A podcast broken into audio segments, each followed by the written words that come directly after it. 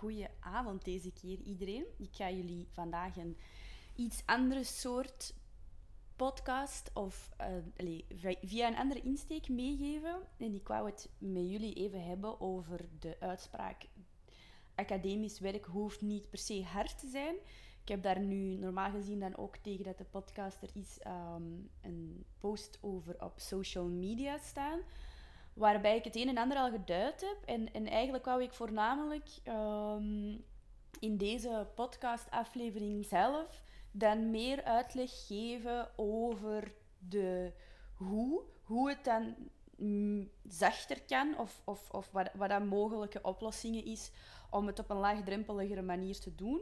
Maar ik ga dan nu nog heel eventjes meer uitleg geven over uh, de waarom hè, van deze podcast of waarom dat ik dat daarover wil hebben. Voor diegenen dat dan eigenlijk de post nog niet gelezen hebben of die dan voornamelijk naar de podcast luisteren en um, de post niet lezen. Dus ik wou eigenlijk een, een, um, een stukje meegeven vanuit mijn eigen ervaring met het academisch werk. Enerzijds als ik het de tijd dat ik het zelf heb leren doen en ook in mijn beginjaren als instructeur.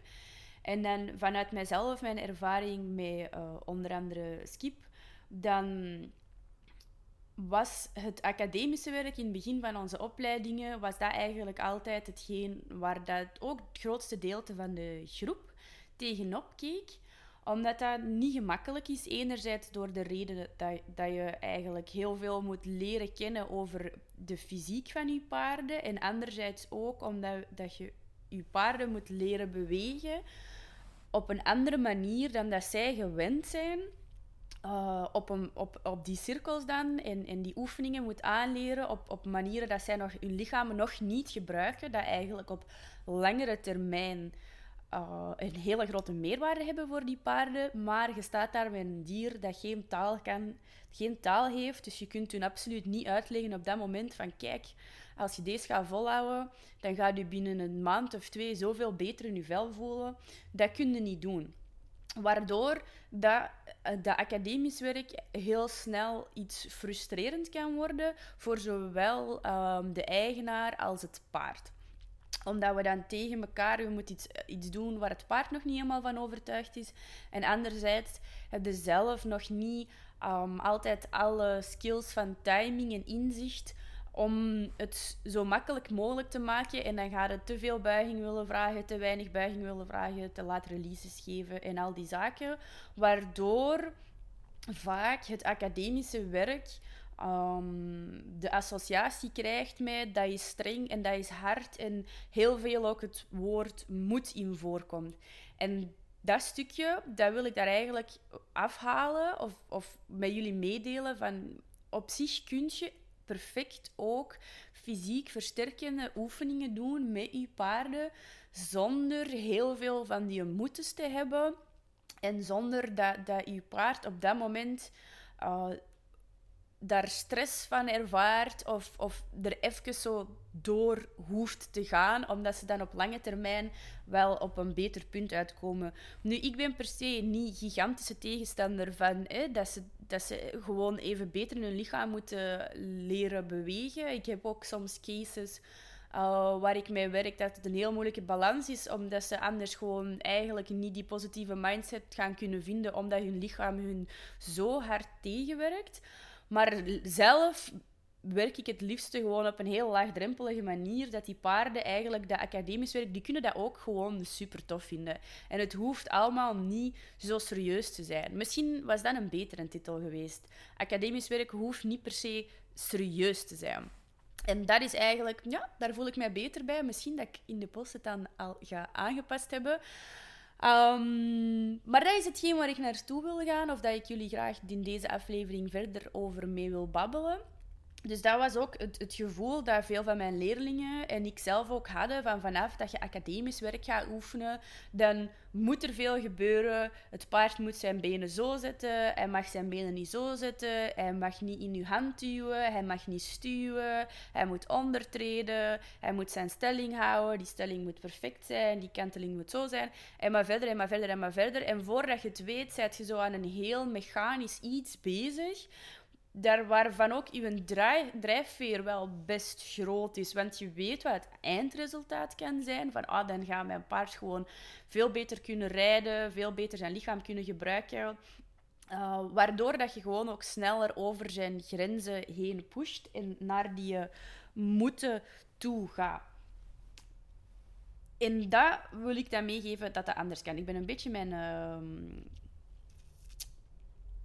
structuur kwijt. Ik ga eens zien of ik hem snel genoeg kan terugvinden voor jullie, zodat jullie niet in het ongewisse blijven. Maar ik zal jullie al meer vertellen over hoe dat, dat anders kan. Ik heb op een bepaald moment in mijn opleiding, uh, in, de, laatste week van uh, de academische extra jaaropleiding net gevolgd, dan kreeg ik bijvoorbeeld ook de opmerking van mijn mede-studenten ehm, van hoe komt dat dat jij altijd vrolijk bent als jij aan het werken bent? En ik had daar zelf nog niet zo heel erg bewust over nagedacht. Misschien viel dat wel op dat er dan ook heel veel mensen in de groep um, een heel geconcentreerd gezicht hadden en dan soms ook wel gefrustreerd konden worden en zo even jullie coach nodig hadden voor daardoor te komen, om dan niet te streng te worden, niet te fel te worden tegen die paarden. En uh, ik was eigenlijk op dat moment in die eindweek uh, mij gewoon aan het proberen te amuseren. En dan uh, al het werk dat wij de jaren ervoor op de grond hadden gedaan, onder het zadel er proberen uit te krijgen. En op dat moment was eigenlijk mijn mindset al geswitcht naar ik wil gewoon mij amuseren met mijn paard en ik wil dat hij dat plezant vindt. En um, of dat wij nu morgen een travers kunnen rijden of binnen een half jaar dat kunnen rijden, mij maakt dat niet uit. En ik kon dat voornamelijk wel ook heel goed loslaten, omdat ik wist dat hij die oefeningen wel kon op de grond. En ik had um, de insteek van eigenlijk onder het zadel hoeft dat niet per se van mij. Ik, hij kon in balans zijn lengtebuiging lopen, zijn gangen lopen, zijn overgangen doen. Dat was allemaal geen probleem. Maar ik ging voor de rest ook gewoon super graag buiten rijden. En ik had zoiets van, ja, die manoeuvres, ik weet dat mijn paard dat een x-aantal keer per week moet doen, zodat hij zich fysiek sterker voelt. Maar of dat nu onder het zadel is of niet, dat, is eigenlijk, dat maakt voor mij niet uit. En ik denk dat dat zo de reden was waarom ik al voor een stuk kon shiften ten opzichte van uh, de anderen die dan nog echt heel hard hun doelen hadden van oké, ik wil zoveel mogelijk hier uit die investering van die opleiding halen, wat ik ook helemaal snap. Uh, waardoor dat ik eigenlijk heel een tijd kon lachen tijdens de opleiding en de anderen heel serieus ten opzichte in hun training stonden, terwijl dat die even goed, zeker even graag hun paarden zagen als dat ik skip graag zag. Dus daar zit het niet, hè. in die intrinsieke waarde van wat, wat wil je met je paard doen, daar zat het verschil niet. Het ging voornamelijk in hoe dat je op dat moment ten opzichte van je training staat en dat je doelen of dat eindresultaat van die bewegingen op dat moment prioritair worden, waardoor wij als mensen, wij hebben echt al dat in ons instinct zitten om situaties naar onze hand te zetten, waardoor dat we toch zo wat in die vermenselijking gaan gaan en daar een klein beetje door gaan pushen. Dus dat viel mij op. En ik, het is mij ook een, een, een, een van de redenen waarom dat ik nu te zeg, het academisch werk hoeft allemaal zo serieus niet te zijn, of het hoeft, hoeft, helemaal niet zo hard te zijn. Dat is ook omdat mij dat heel hard opviel tijdens mijn lessen. In het begin, als ik op dezelfde manier mijn uh, klanten les gaf, dan was het, waren dat heel zware, vermoeiende lessen, waarbij dat er waar dat je heel veel moest ondersteunen, waarbij dat, dat ook niet altijd direct lukte, waarbij mensen ook moeilijkheden hadden van te zien en te voelen waar ze naartoe gingen. En dat, dat, dat wrong altijd een beetje bij mij. Want dan moest ik een speech geven van oké, eh, je moet als je dat gaat volhouden, dan ga je echt binnen een tweetal weken soms al een heel ander paard hebben. Dat gaat anders voelen. Iedereen, dat is zo'n standaard uitspraak over het academisch werk van je moet even door die zure appel bijten. En al die zaken. En ik voelde altijd achteraf van... Ik hoop dat ze het gaan doen. Ik hoop dat ze het gaan volhouden. Ik weet waar ze naartoe kunnen gaan. En als ze dan nu hun tanden er zich inzetten en afzien en achteruit stappen en over dingen struikelen en, en al die zaken, dan gaan ze gewoon zoveel beter paard hebben. Ik hoop het. Maar ik wist ook dat een x aantal procent van mijn klanten, dat die dat niet gingen doen. Omdat dat... Ik snap dat ook helemaal. Als je zelf iets moet leren en dat zit helemaal nog niet in, in je eigen motorisch systeem. En dat zit ook nog niet in je vingers. En je kunt dat nog niet goed zien. Wat dat juist is, wat dat fout is. De, al die nuances, als je al heel veel paarden bekeken hebt, is dat heel vanzelfsprekend. Als je altijd naar je eigen paard kijkt, dan moet je dat van mij aannemen, dat dat paard niet fysiek correct beweegt of dat dat veel vlotter zou kunnen bewegen. Maar dat is, moet je nog door al die stappen heen, alvorens dat je dat verschil ziet. En dat is gewoon niet evident.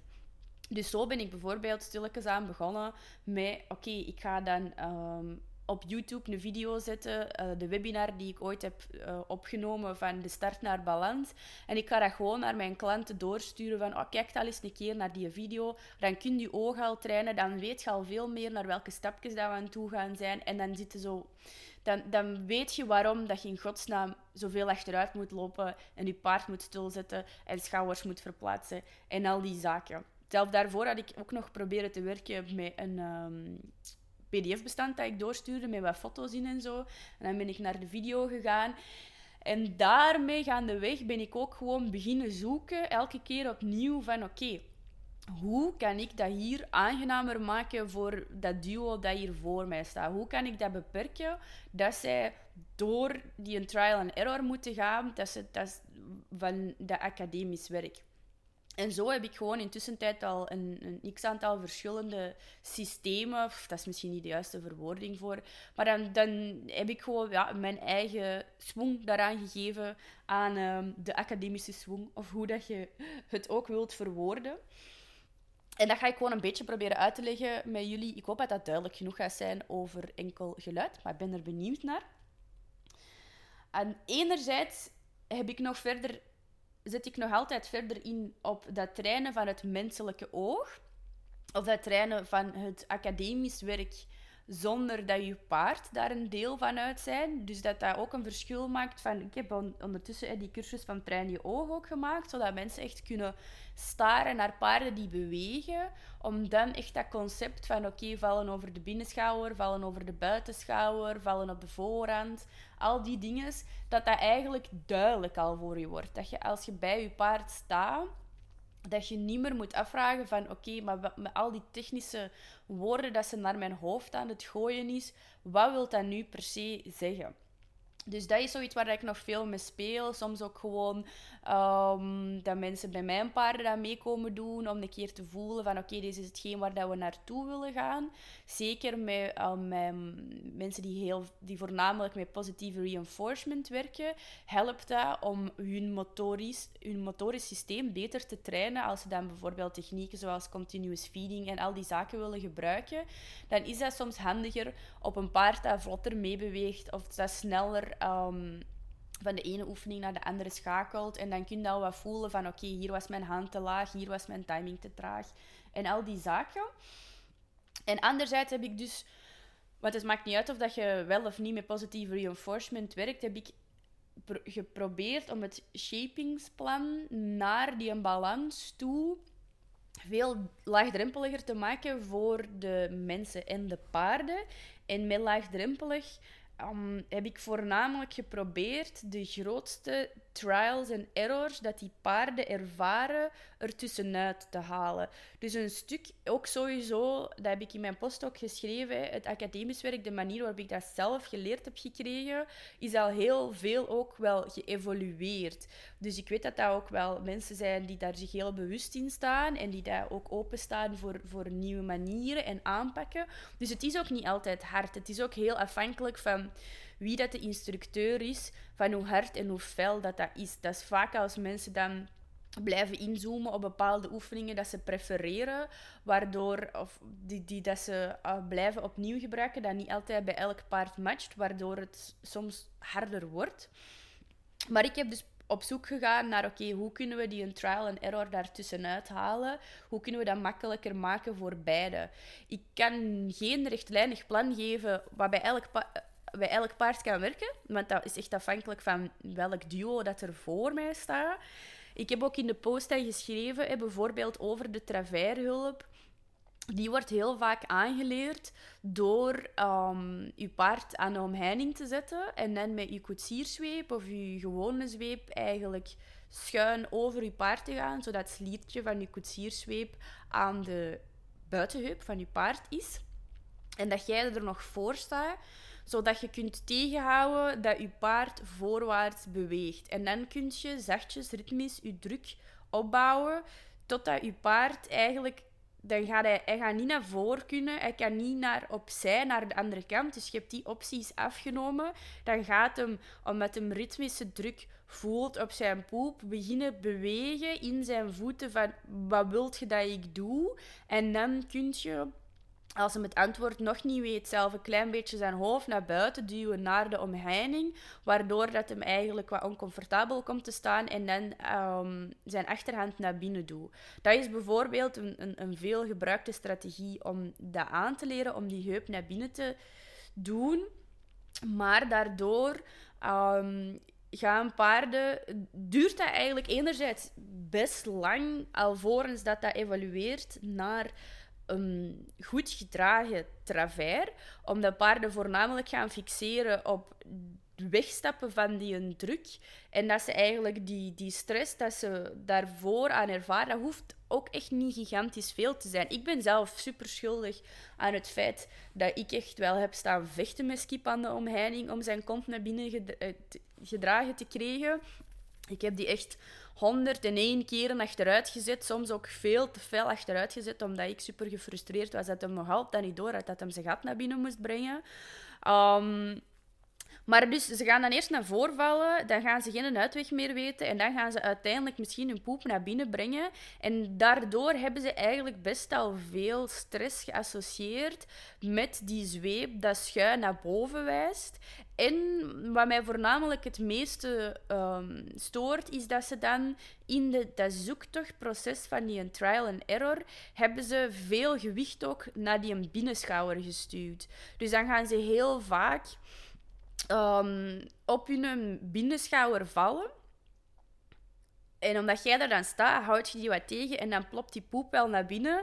Maar ze gaan dan heel vaak vanaf het moment dat je van die omheining afkomt, dan gaan ze wel hun poep naar binnen brengen, maar die binnenschouwer die komt eigenlijk even hard ook naar u toe en die komt quasi op je benen staan. En dan heb je de volgende fase, waarbij dat je dan, als die poep naar binnen komt, gaat beginnen corrigeren van, doe je schouder terug naar buiten. Dus dan hebben ze door van, oké, ik moet iets met mijn achterhand naar binnen. Alleen niet zo letterlijk, want dat proces kunnen ze, dat denkproces hebben ze niet. Um, en dan ga je proberen in die beweging eigenlijk die vallende schouder te corrigeren, om die dan terug goed te zetten. En eigenlijk, dat laatste woord dat ik gebruikte, of dat corrigeren, dat is eigenlijk een van de dingen dat ik zoveel mogelijk uit mijn academisch werk heb proberen te halen.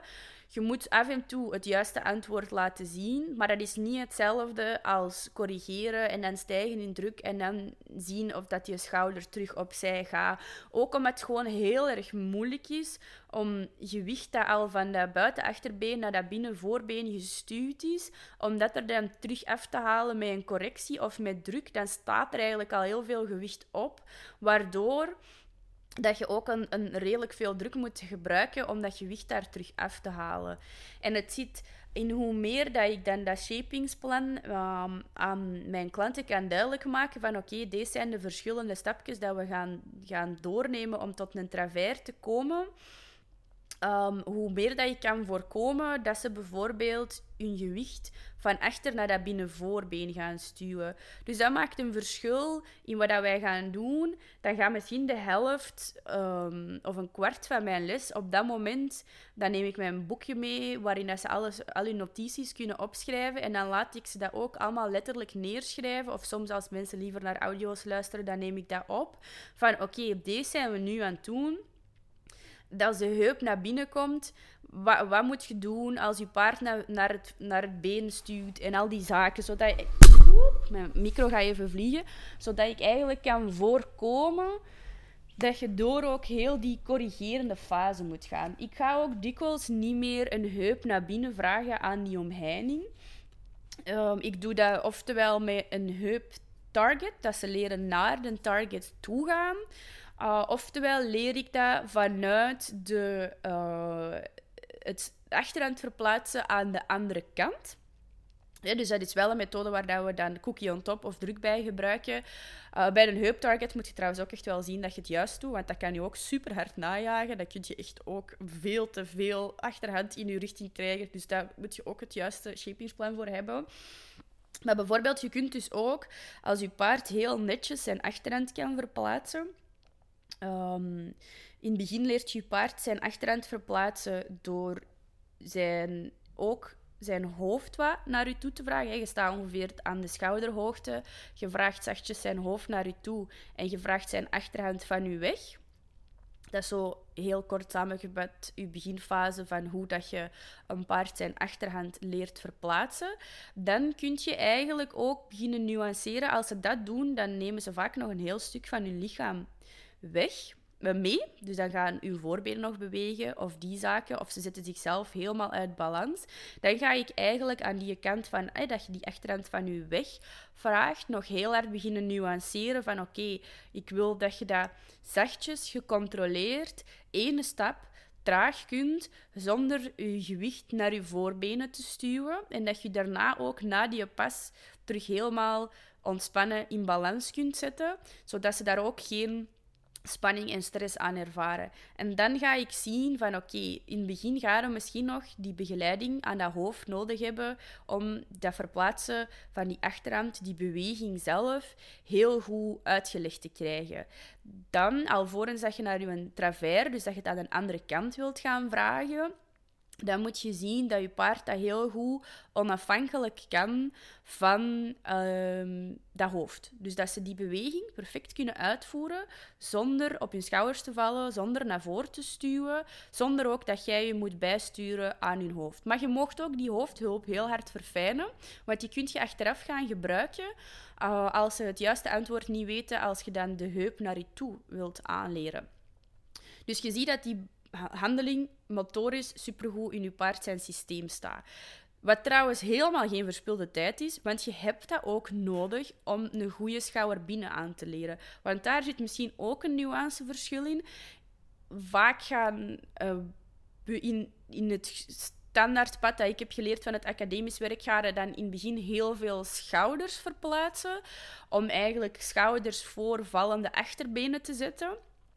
Maar het nadeel van schouders voorvallende achterbenen te zetten, is dat eigenlijk je paard dat je minder tot de bron komt van waarom dat je paard op een bepaalde manier beweegt. En dan moet je ook blijven die schouders verplaatsen. En ook die uitleg van wat ik er juist bij die travers heb gedaan, is dat als dan al te veel aan het vallen zijn, terwijl dat jij je rechte lijnen aan het stappen zij of je cirkel aan het stappen zij, dan moet je eigenlijk heel veel gewicht van een been afhalen. Uh, waardoor dat je weer meer druk nodig hebt. Dus ik vind het in het begin ook interessanter om alvorens dat je te veel gaat stappen en verplaatsen, uh, of al bewegend gaat verplaatsen, om die cues daar supergoed en ontspannen op te zetten. Dus we zijn terug bij ons achterhand verplaatsen. We staan voor ons paard. En we kunnen eigenlijk mooi, als we zachtjes onze zweep oppakken en we wijzen naar dat binnenachterbeen, dan zetten mooi één stapje opzij.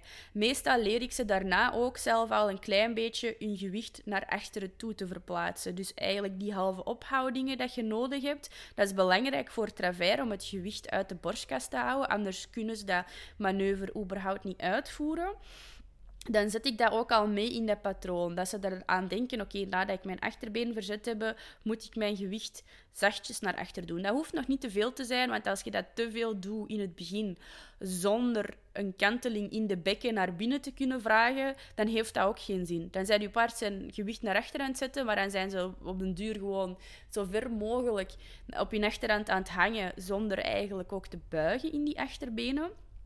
Um, maar ja, dus ons paard kan zachtjes de achterbeen verplaatsen weg van onze zweep.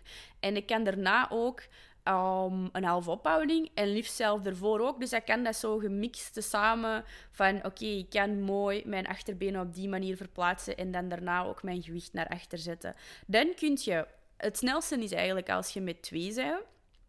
Dan zet je iemand aan de andere kant van je paard en je laat die, die zweep schuin over je paard zijn heup doen.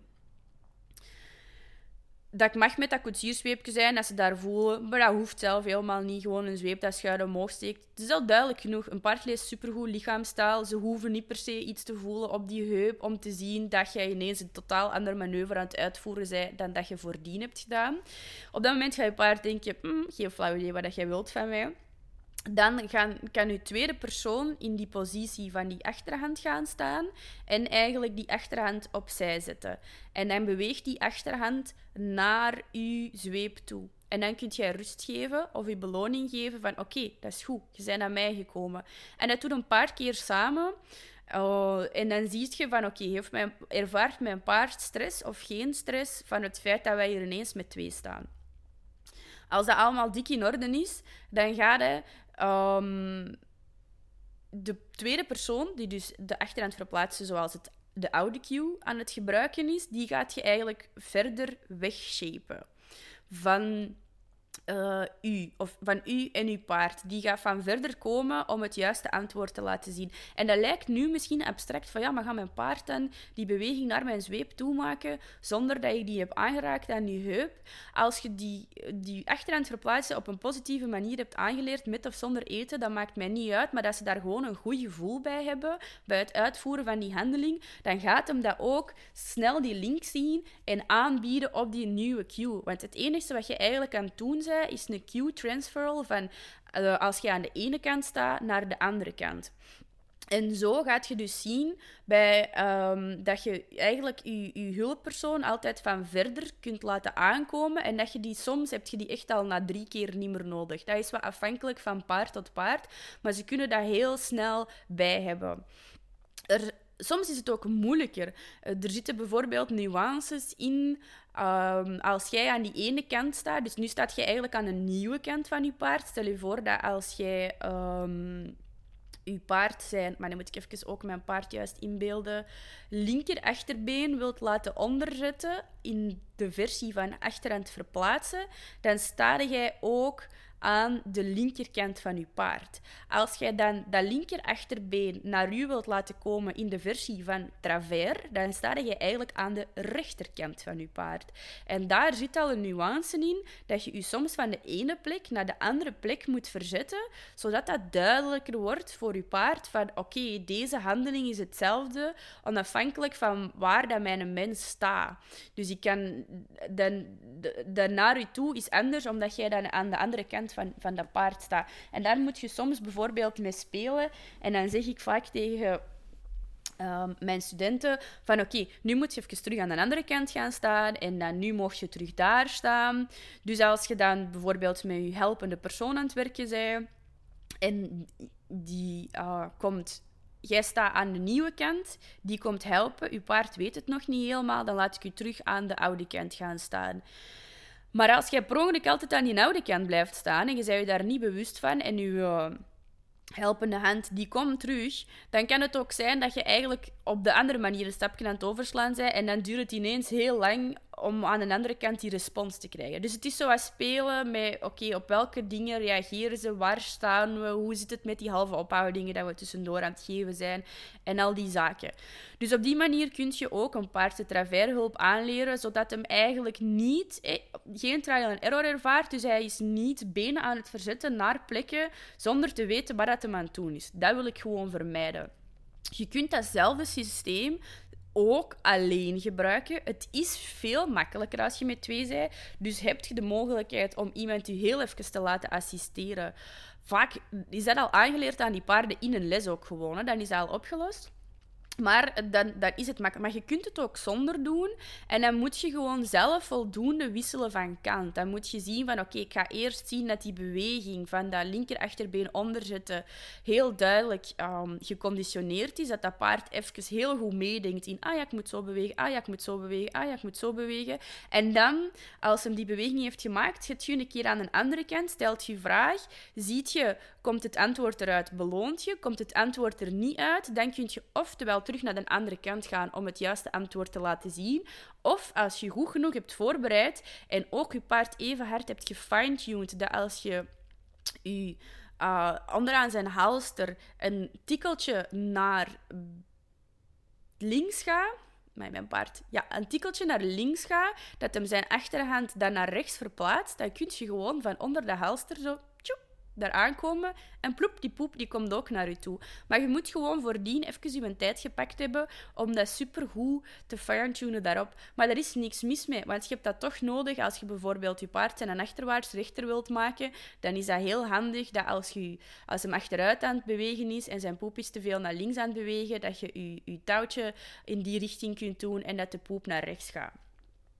Dus dat is um, een ik wou kort te zeggen, maar waarschijnlijk mislukt kort. Ik ga eens een keer zien hoe lang dat we bezig zijn. Toch ook al een half uurtje weer. Voorbeeld van hoe dat je een traverhulp anders kunt aanpakken. Dat is hetzelfde met um, je halve ophoudingen. Die zijn super belangrijk. Dus als je de neusring van je uh, kaptoom aanraakt, dat je paard snapt van, oh, ik moet mijn gewicht naar achter zetten dat is echt in heel veel uh, oefeningen is dat een ontbrekende factor. Maar als je dat te veel vanuit dat hoofd aanleert, dan gaan ze heel snel zich daartegen verzetten, hun handen onderhals opspannen of zich vastzetten in een atlas. En dan gaat dat gevoel op hun neus frustratie triggeren in de plaats van iets, iets positiefs van alright, ik ga deze doen. En dus mijn geknoei met, met Skip en zijn travers um, op de weetjief, dan begon hij ook altijd te schrapen en begonnen wij nog meer ruzie te maken.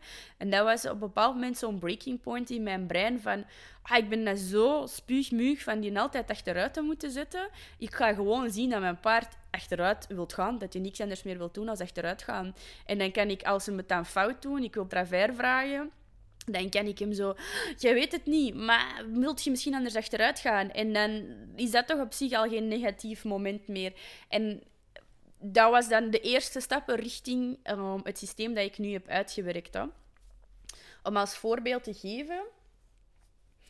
Dus je hebt enerzijds de hulpen aanleren. Ik was nog eens een keer naar het bladje aan het spieken.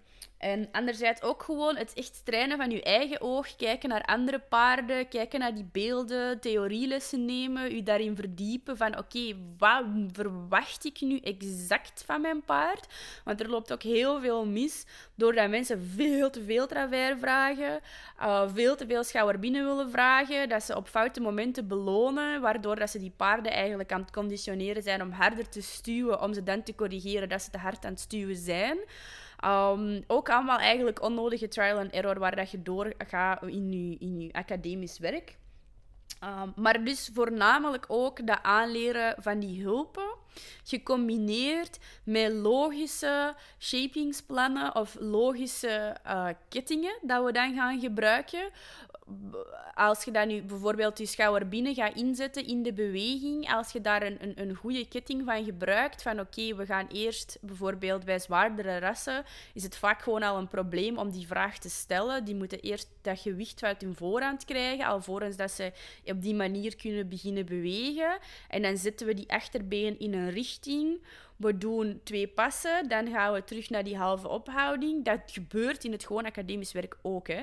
Ehm, Waardoor dat ze dan eigenlijk zo van, ah, oké, nu gaan we terug deze toffe oefening doen. En dat ze dan veel meer gebalanceerd in die oefening beginnen denken. En dat we eigenlijk gaan voorkomen dat ze veel stuwende passen gezet gaan hebben als we ons idee van de schouder binnen mee willen hebben. Ik ben een beetje aan het twijfelen in mijn hoofd of dat, dat van die kettingen duidelijk genoeg uitgelegd is. Maar een ketting, daarmee wil ik eigenlijk bedoelen dat je paard wel anticiperend mee mag denken. Dus dat hij eigenlijk gaat weten van oké, na deze handeling gaat terug die handeling komen van mijn gewicht naar achter te zetten. Waardoor dat ze dat uiteindelijk tezamen gaan uitvoeren. En dat het um, makkelijker wordt om te voorkomen dat ze op hun schouder gaan vallen. Dus het ook die rechte lijnen samenwandelen en schouders voor vallende achterhanden zetten. Ik wil daar helemaal niet mee zeggen dat dat totally not done is. Um, maar het is bijvoorbeeld dan weer al makkelijker als ze supergoed een voorhand verplaatsen aan kunnen. Dat ze dat heel goed snappen, dat die, die, die zweep die wijst naar hun schouder, dat ze zo, oké, gewicht naar achter, voorhand opzij zetten. Um, ik heb zelf met Skip ook dat voorhand verplaatsen via uh, achteruit en heel veel trial and error aangeleerd. En ik heb daar ook echt met ook mateloos in gefrustreerd. Want ik wou mijn scores halen, ik wou mijn levels halen, ik wou heel veel progressie maken op dat jaar. Dat zelf geresulteerd dat ik dan op een bepaald moment zo op de oprit op de macadam dan in de piste in het aan het jagen was. En dan terug, terwijl ik erop zat, en dan terug even dat ik hem wel liet grazen als hij het goed had gedaan. Om hem terug uh, te flooden als we in de piste waren. Om dan terug naar daar te gaan om het goed te maken. Om een beetje zijn hart af te kopen of mijn eigen hart af te kopen. En dan op een bepaald moment had ik ergens mijn jas gelegd en bam, hij verschoot daar super relevant. En dan was ik toch met mijn kop op de beton gevallen. En dan, pas als ik met mijn hoofd op beton viel, dacht ik, waar zijn we eigenlijk in godsnaam mee bezig? Deze werkt niet. Um, dus ook daar bijvoorbeeld, dat verplaatsen van die voorhand. Ondertussen heb ik dan ook al heel veel stapjes en tussenstappen, laagdrempelige uh, fases in het shapingproces dat zich opvolgen, waardoor dat, dat eigenlijk peanuts is om dat aan die paarden uitgelegd te, te krijgen van oké, zo moet je je voorhand opzij bewegen, hier, zo installeert je dat van in hun lichaam. Zo installeert je dat op een teugelhulp, zo installeert je dat op een zweephulp. En dan is het gewoon veel makkelijker om um, die al stappend en je paard is zijn achterhand is naar buiten aan het vallen, dus je wilt die voorhand ook naar buiten zetten, om die dan mee te sturen naar buiten toe dat ze dat uh, ook heel goed snappen en dat ze dat mee kunnen doen. En elk paard is anders, dus er zijn ook nog altijd wel paarden met heel moeilijke fysieke uh, combinaties, waardoor het wel echt een zoektocht is. Want soms is gewoon dat samen stappen en vertragen al zo moeilijk als paarden al heel hun leven lang op hun voorbenen remmen en eigenlijk geen idee hebben hoe dat ze van stap naar uh, stilstand moeten gaan, dat dat altijd al stress voor hun geweest is. Zeker als ze nog eens een moeilijke beenstand hebben vooraan, waardoor dat, dat eigenlijk wat pijn doet aan hun voorbenen. Um, kan het wel zijn dat je daar een, een, een, een heel stuk even op moet inzoomen, zodat ze supergoed die skill ontwikkelen van oké, bewegen, bekken kantelen, stoppen, naar achter gaan. Uh, dat ze daar heel adequaat in worden, dat ze daar heel handig in worden, om dan van daaruit verder te gaan naar oké, nu gaan we eens een been verplaatsen naar binnen, naar buiten die zaken. Wat ook zo dat blijven uh, corrigeren. Misschien heb ik gewoon ook in, in bepaalde momenten in mijn uh, evolutie, wou ik zeggen, ik weet niet wat dat het juiste woord is, gewoon zoveel introverte paarden tegenkomen die dan gewoon hun voeten willen bewegen, maar totaal niet opslaan wat er aan het gebeuren is. Die doen ook niks super erg, hè, maar die, die lopen zo half tegen u en die doen dan hun hoofd omhoog. En je krijgt dat daar precies niet in aangeleerd. Dat was bijvoorbeeld met mijn zus ook. En, en ik heb die toen in de tijd ook geholpen. Um, en die travers, dat was ons nooit goed gelukt. En dat was ook omdat hij, ja, die sloeg gewoon in die tuut. En dat was onmogelijk om die halve ophouding in dat hoofd, op die neus, tot aan die achterbenen te krijgen. Ook omdat hij vroeger in de springsport had gereden en dat hij gewoon zich zo had vast leren zetten op zijn hoofd. Omdat hij ook een onhandig lichaampje had dat erbij stond.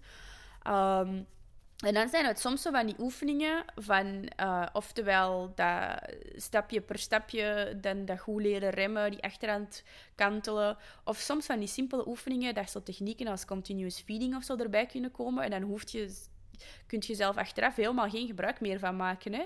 Maar dat ze dan uh, op een andere manier leren meedenken, hun hoofd leren liften, dat gewicht naar achter leren zetten. Ja, er zijn soms gewoon magic dingen waar dat je mee kunt spelen.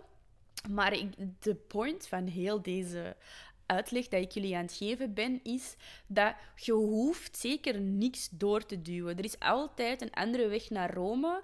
En het kan echt gewoon makkelijk, stap voor stap, dat je paard zoiets heeft van oké, wat zij weer aan het doen, dat hij mee aan het denken is en dat hem die, die sessies even plezant vindt als andere sessies dat je samen doet. Het is gewoon een beetje in ons geconditioneerd dat academisch werk een moetensverhaal is Waardoor dat wij sneller in die, in die, in die trainen, trainersmodus gaan staan van oké, we moeten dat hier even gedaan hebben, want het eindresultaat gaat beter zijn voor u. Wat wel zo is, is dat hoe laagdrempelig en hoe zacht dat je wilt zijn tegen je paarden, het is ook wel onfair, omdat eens dat je aan het verhaal begint, om je dan ook niet even je tanden in te zetten, is misschien dan niet de juiste verwoording, want ik wil niet dat je hard en fel wordt, maar je moet het wel je paard zijn spieren de kans geven om zich te ontwikkelen. En dat wil zeggen dat, dat je dat wel frequent genoeg moet gaan oefenen. En als het dan niet lukt, dan moet je denken van oké, heb ik de ehm, theoretische kennis of de praktische kennis van hoe dat ik hierin kan schakelen en het probleem kan oplossen? Of kan ik misschien een video van vijf minuten insturen om dan daar wat feedback in te krijgen van zit mijn hand te laag, heb ik deze cue te laat ingezet, kan ik misschien beter op een andere plek gaan staan en zo van die zaken. Maar eens dat je zoiets hebt van oké, ik wil mijn paard fysiek helpen, dan um, moet je dat ook wel een paar keer in de week doen. Want als jij zelf gaat leren, moest leren bijvoorbeeld sit-ups doen of zo bij LO, en ze laten u dat dan twee keer op het jaar doen, ja, dat is altijd verschrikkelijke horror, hè. Want je krijgt nooit de kans om daar goed in te worden, waardoor dat, dat echt een stomme rotoefening blijft die dat je moet ondergaan. De volgende dag heb je spierpijn, de dag daarna heb je nog eens spierpijn. En dan de, de, volgend half jaar is het nog eens het exact hetzelfde verhaal. Dus dat mocht je zeker ook niet vergeten. Ik denk dat ik nog duizend en één dingen wil zeggen, maar ik ga jullie hierbij laten. Ik hoop dat mijn verhaal een beetje duidelijk was en dat jullie uh, ervan genoten hebben. Merci alvast om terug naar mij te luisteren en tot de volgende keer.